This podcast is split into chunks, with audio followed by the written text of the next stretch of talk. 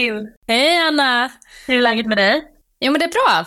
Det är eh, fullt ös och det är ju snökaos i Sverige så att eh, ändå härligt. Hur mår du?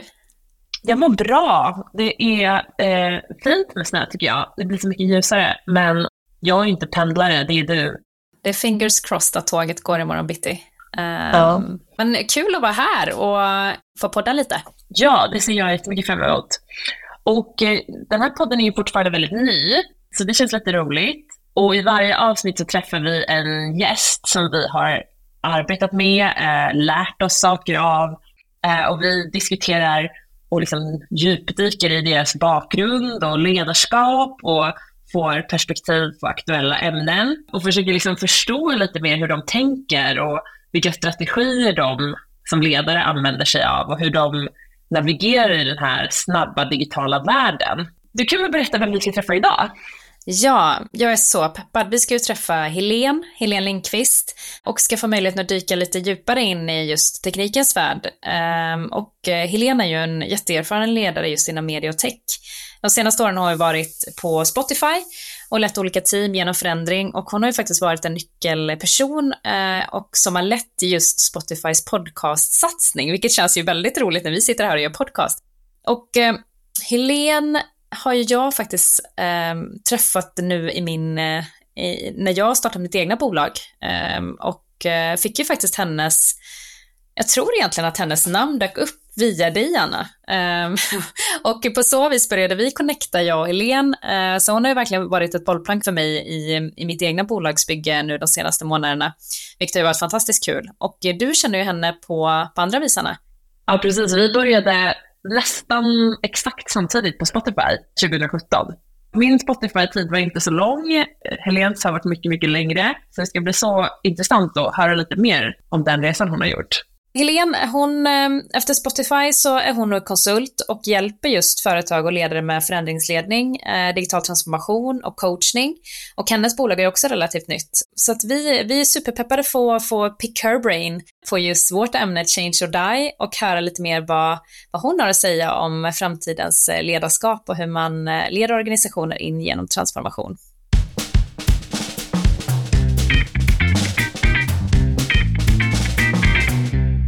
Välkommen! Helen, så kul att ha dig här. Ja, men tack. Jättekul att vara här.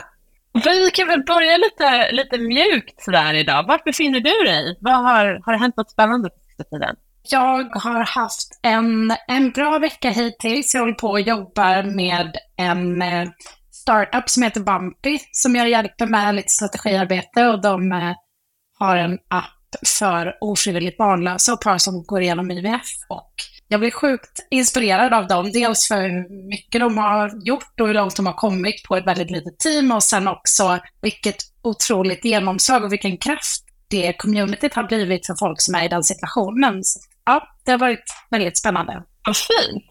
Och få hjälpa till med någonting som verkligen är viktigt på riktigt. Är det viktigt för dig? Ja, men det är det. Det är det absolut. Alltså, själv gjort IVF och liksom kan verkligen relatera till den, den frågan och liksom hur isolerad man kan känna sig. Så att, eh, ja, absolut. Men du, Helene, vi eh, är ju så nyfikna på att höra mer om eh, din resa och din karriär inom underhållning, mediateknik och där du verkligen har liksom byggt på din erfarenhet, alltifrån TV4 till, till sist på Spotify, nu egen. Så kan inte du summera din karriär lite kort för de som lyssnar? Vem är du och vad har du gjort?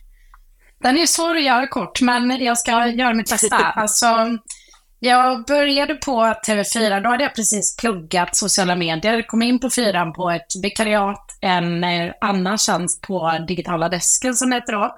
Började fråga runt lite för att jag var nyfiken, så här, men hur jobbar ni med sociala medier och vem kan man prata med för att förstå mer?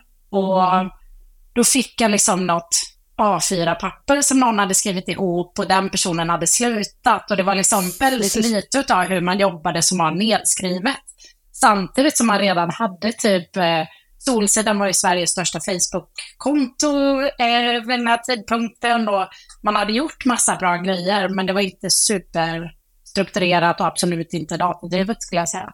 Eh, så då fick jag, eller jag pitchade liksom att eh, få ta några program och, och skriva strategi för dem. Eh, så då gör jag det under hösten och där gör jag samtidigt det här mitt gamla jobb då så jobbar jag med Så mycket bättre, Hela Sverige bakar och Solsidan. Engagemanget kring de programmen går upp och liksom playtiteln ökar och så här, det går väldigt bra. Så då är det min karriärs första digitala, inte sista, digitala transformation. Eh, och alla på TV4 ska bli digitala och de, den här digitala medieavdelningen ska liksom ut i organisationen. Så då äskar de en tjänst för mig som sociala medier-strateg, så då går jag över till kommunikation. Sen dröjer det inte jättelänge innan vi inser att vi behöver vara fler. Så då börjar vi anställa och så blir jag eh, sociala mediechef. Och sen bygger vi upp en rätt så stor redaktion över de kommande åren. Det var ju ändå ganska tidigt får man ju säga, eller tidigt, men det var ju då när man hade Facebook-sidor där det var väldigt viktigt. Hur mogna var liksom ledningen för att eh, ta emot en sån transformation? Jo, men jag tyckte att man var väldigt med på det. Frågan är snarare hur mogen var jag? jag, eh, men jag, liksom jag upplevde nog lite grann att jag blev lite så här digital poster girl. Liksom. Jag pratade ofta på interna konferenser, jag var även ute och pratade externt och liksom så här, jag, jag blev lite den som kom in och kunde prata om hur, på ett väldigt konkret sätt, hur man kunde liksom digitalisera mycket av det man gjorde. Eh, så det var ju väldigt, en väldigt, väldigt rolig period. Liksom.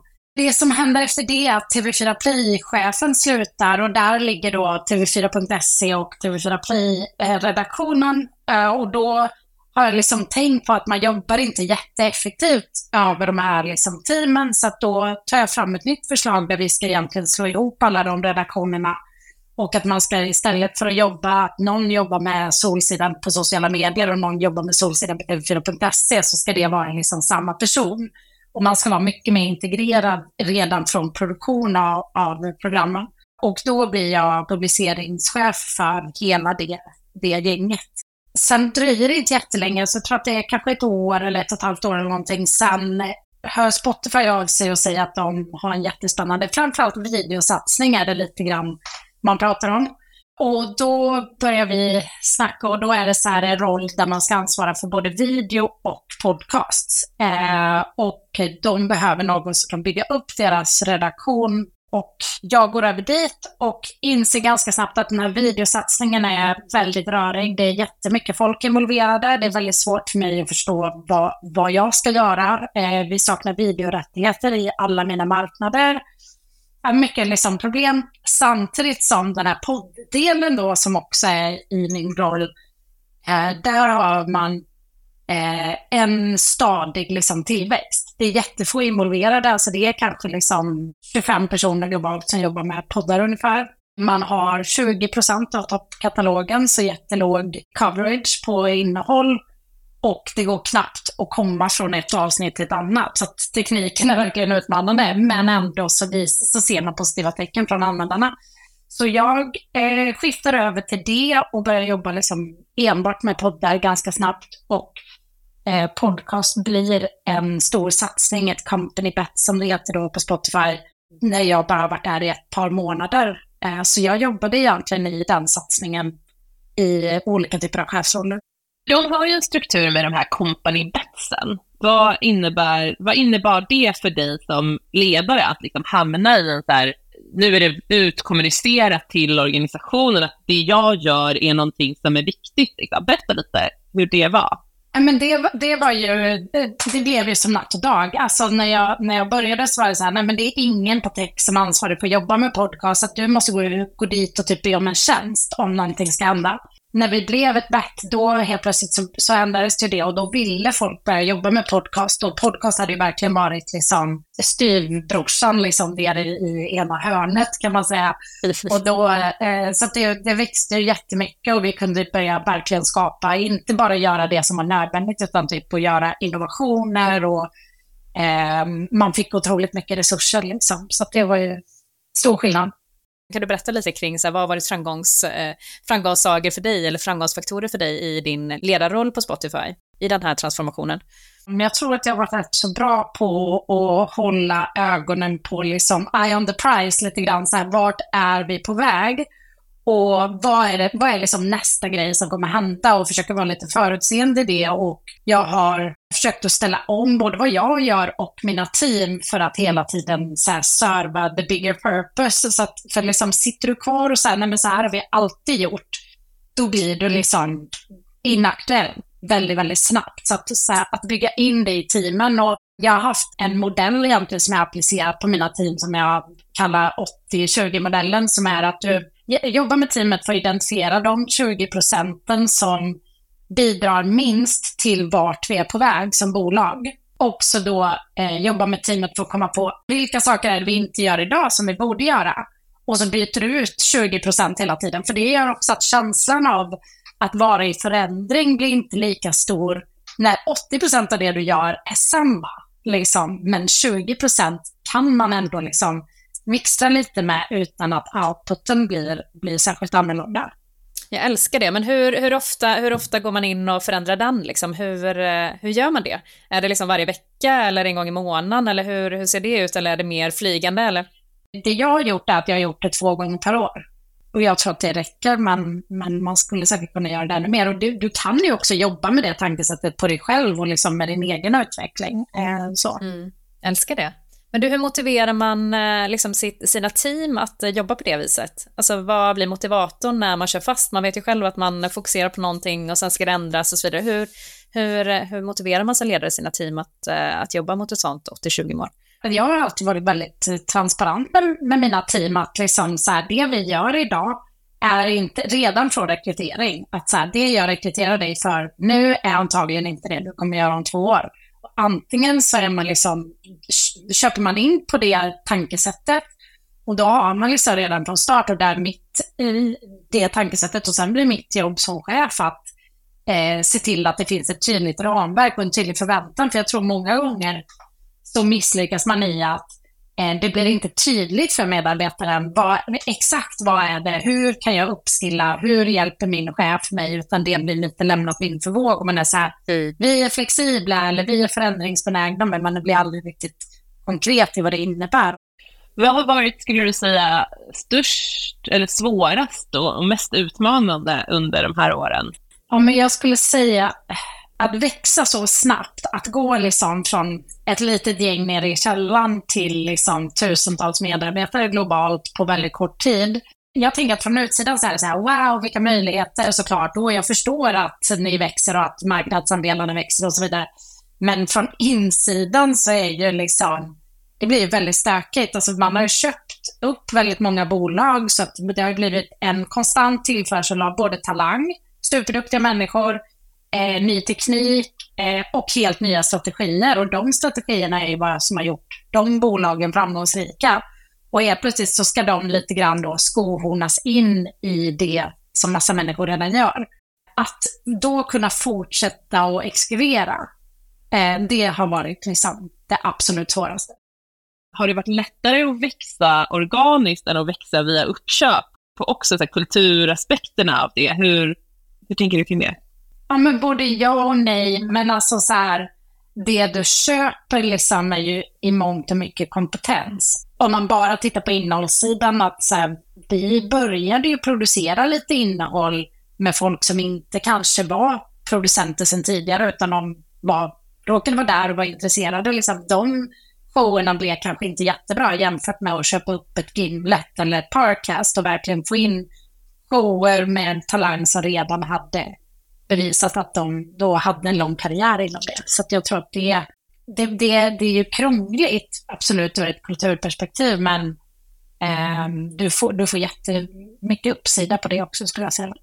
Och gav det, eh, påverkade det när det kom in andra personer utifrån som hade kompetenser som kanske var liksom ännu bättre än era interna kompetenser? Hur reagerade dina team då? Kände, var det någon som kände sig hotad eller liksom hur?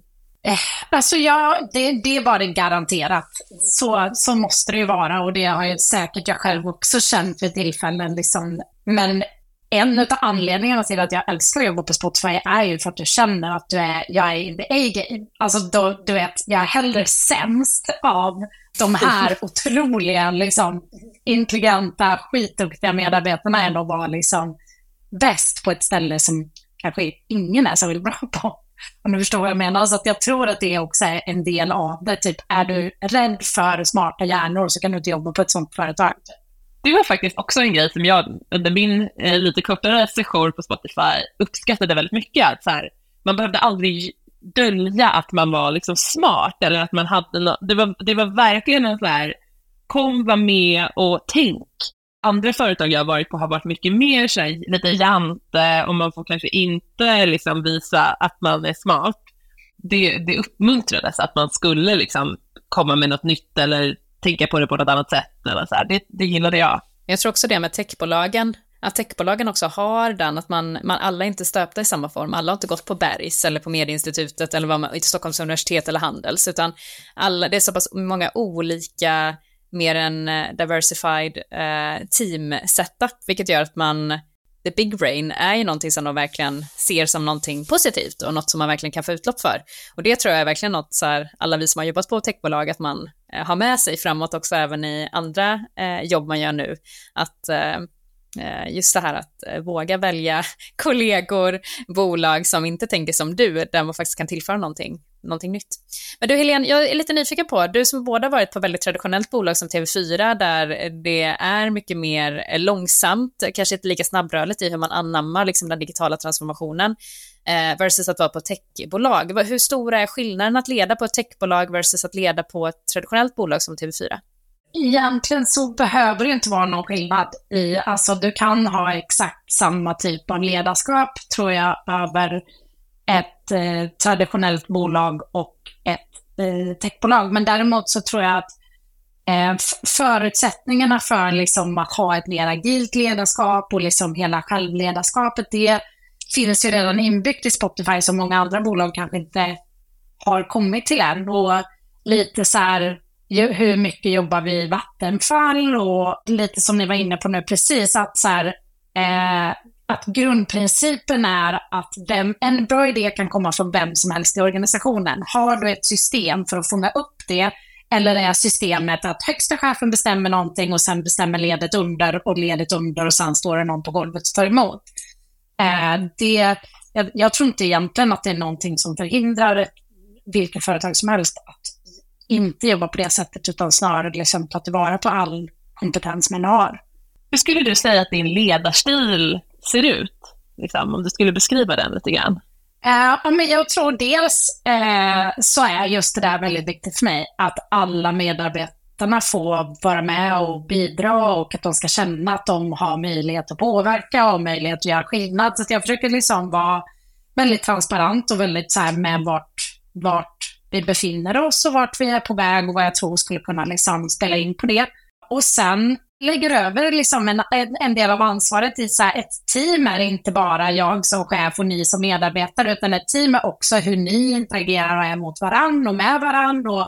jag har jobbat mycket med liksom att exempelvis våra teamdagar då, som, jag, som jag anordnar två gånger per år, att då finns det alltid en i teamet som är ansvarig för att co-hosta den tillsammans med mig. Då är den ansvarig för att prata med alla i teamet och komma fram till en agenda, vilka typer av gäster ska vi ha, hur ska vi liksom eh, ta fram den. Så att det jag gör är ju egentligen bara att sätta ramverket, här är bolaget på väg och här är vårt team, men allt annat finns på av teamet. Liksom.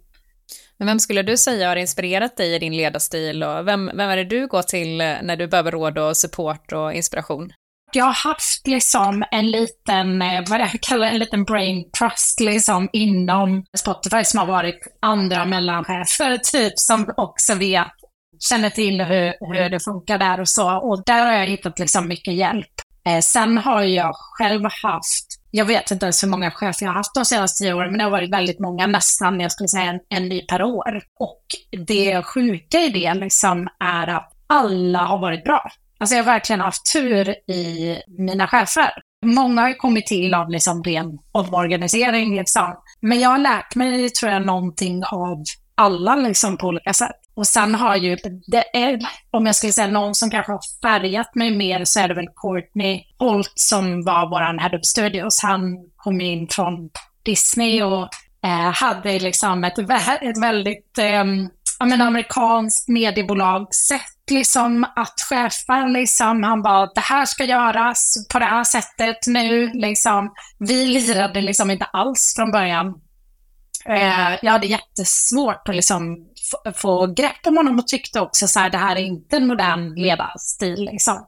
Men sen så insåg jag att han var helt okej okay med att göra någonting annat om du kom med en bättre idé. Alltså du var så här, ja ah, jag hör vad du säger men vi skulle kunna göra det på det här och det här sättet. För att det värsta han visste var när du bara stod och raddade alla anledningar till varför det inte skulle gå. Så då, när man gjorde så istället så blev han en otrolig liksom, dörröppnare. Så att det tankesättet har jag tagit med mig mycket i mitt eget ledarskap. Att så här, jag kommer bolla in en idé, kanske lite halvdålig, men det är någonting ungefär sånt här som vi letar efter och sen får ni komma med någonting bättre och så tar vi oss fram liksom, på det sättet.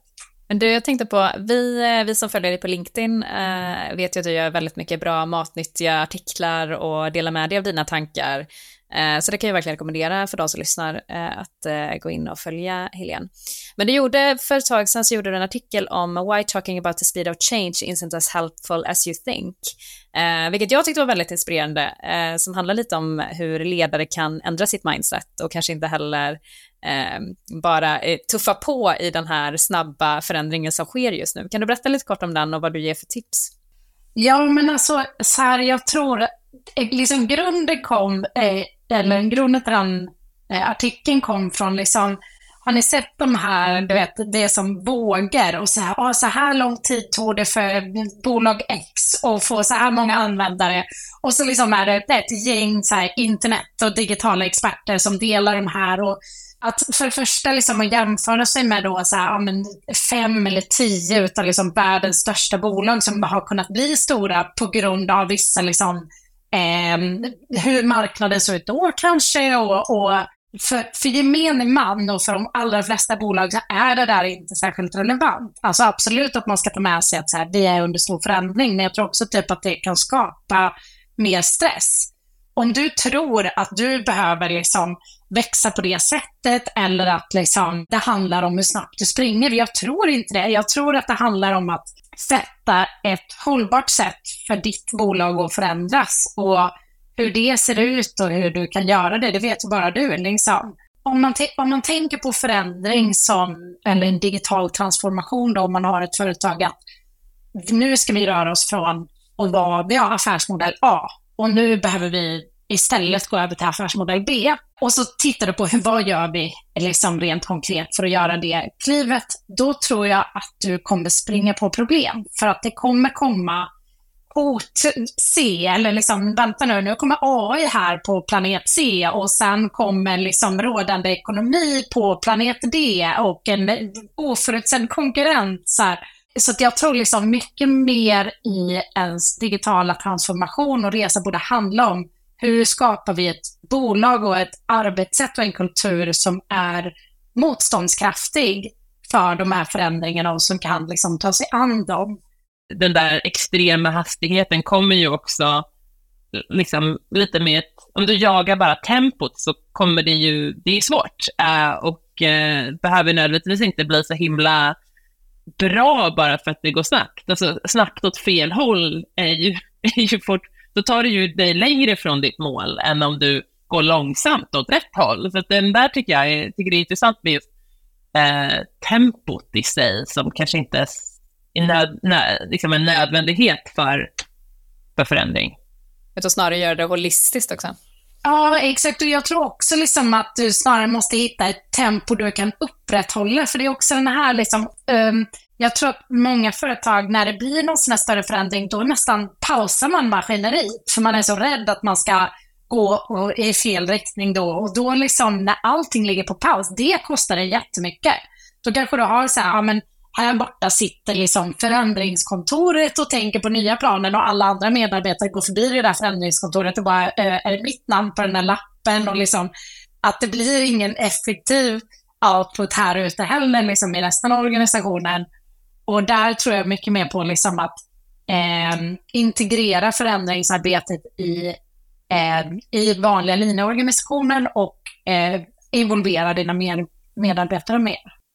Tycker du att det finns liksom speciella egenskaper eller mindset eller så hos antingen andra ledare eller medarbetare som avslöjar att man har det som krävs för att vara duktig i den här konstanta förändringen?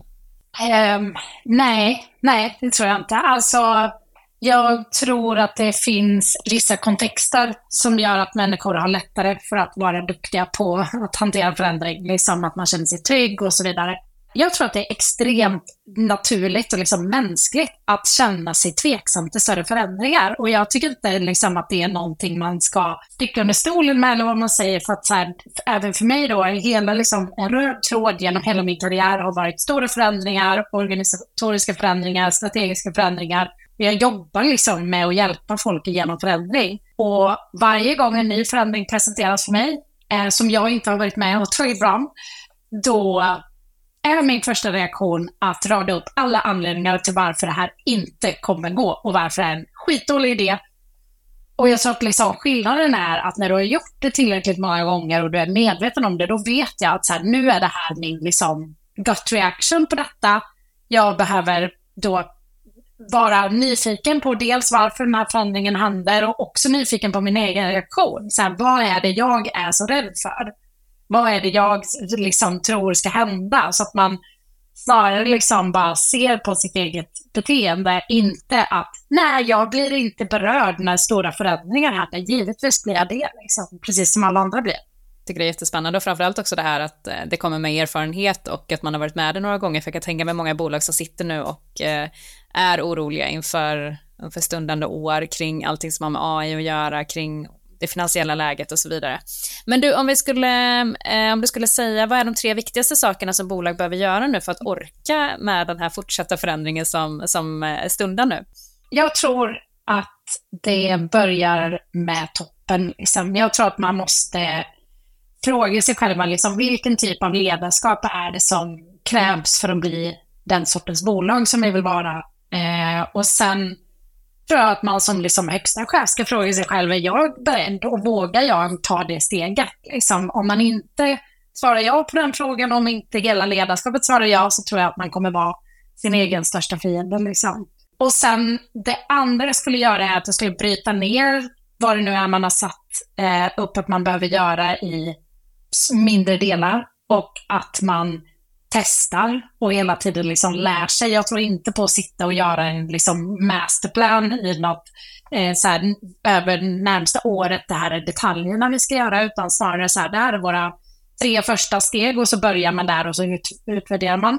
Och sen tror jag också att man ska försöka göra det kul att vara med. Att eh, få förändring och inte bli liksom läskigt för dina medarbetare. Sen givetvis finns det delar i förändring och liksom, det har vi verkligen lärt oss här nu senaste året att det är aldrig kul om du behöver göra det av med medarbetare exempelvis. Men allting förutom det i en förändring kan bara komma med glädje liksom. Eh, så jag tror verkligen på att låta alla i organisationen få vara med och känna ett delägarskap så att de driver förändringen framåt istället för att de är bromsklossarna som sitter och försöker liksom motarbeta dig för att man känner att man själv inte har fått, fått en biljett till det här tåget. Liksom. Verkligen. Men jag tror också den 80-20-regeln eller arbetssättet, strukturen som du nämnde tidigare också, att faktiskt ha något konkret att ta medarbetarna igenom och känna att man liksom, vi har någonting att hålla oss i, någonting som blir delaktigt. Jag tror också i kombination med transparent eh, kommunikation, att man alltid pratar och eh, alla är med på tåget och inte känna att man inte har någon information eller vet vart vi ska. Jag tror att det är en superviktig del i också att, att känna ett ägandeskap och tycka att det är kul med förändring, även om förändring är jobbigt. Exakt, och jag tänker också så här, eller en, en så här liknelse som jag brukar göra är typ om du tänker att du klättrar upp för ett berg, att du, då måste du liksom hålla någon fot och någon hand på liksom ett säkert ställe och då kan du liksom söka runt med den andra handen. Och, och då känns det fortfarande tryggt att göra. Du kan liksom inte släppa båda händerna samtidigt eller så. Och det, det tänker jag även så när du ska ställa om din affär. Precis samma tänk, att så här, vad är grunden här? Kan vi liksom behålla en del som känns tryggt och sen börjar vi liksom vara den sökande handen med de här 20 procenten som kanske ändå inte är det viktigaste för din affär just nu. Liksom.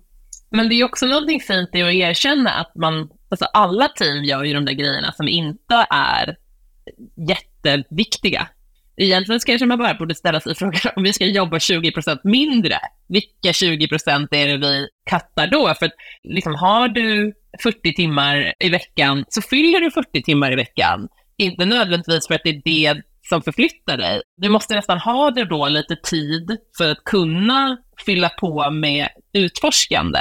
Medan om du har liksom ett maxat schema med det du gör idag så är det ju väldigt svårt att börja ställa sig frågor om hur man skulle kunna förändra någonting. Så det är bara den, att så här, vilka saker som vi gör borde vi kanske inte göra, är ju på något sätt första steget också i att skapa möjlighet till att börja innovera och förändra.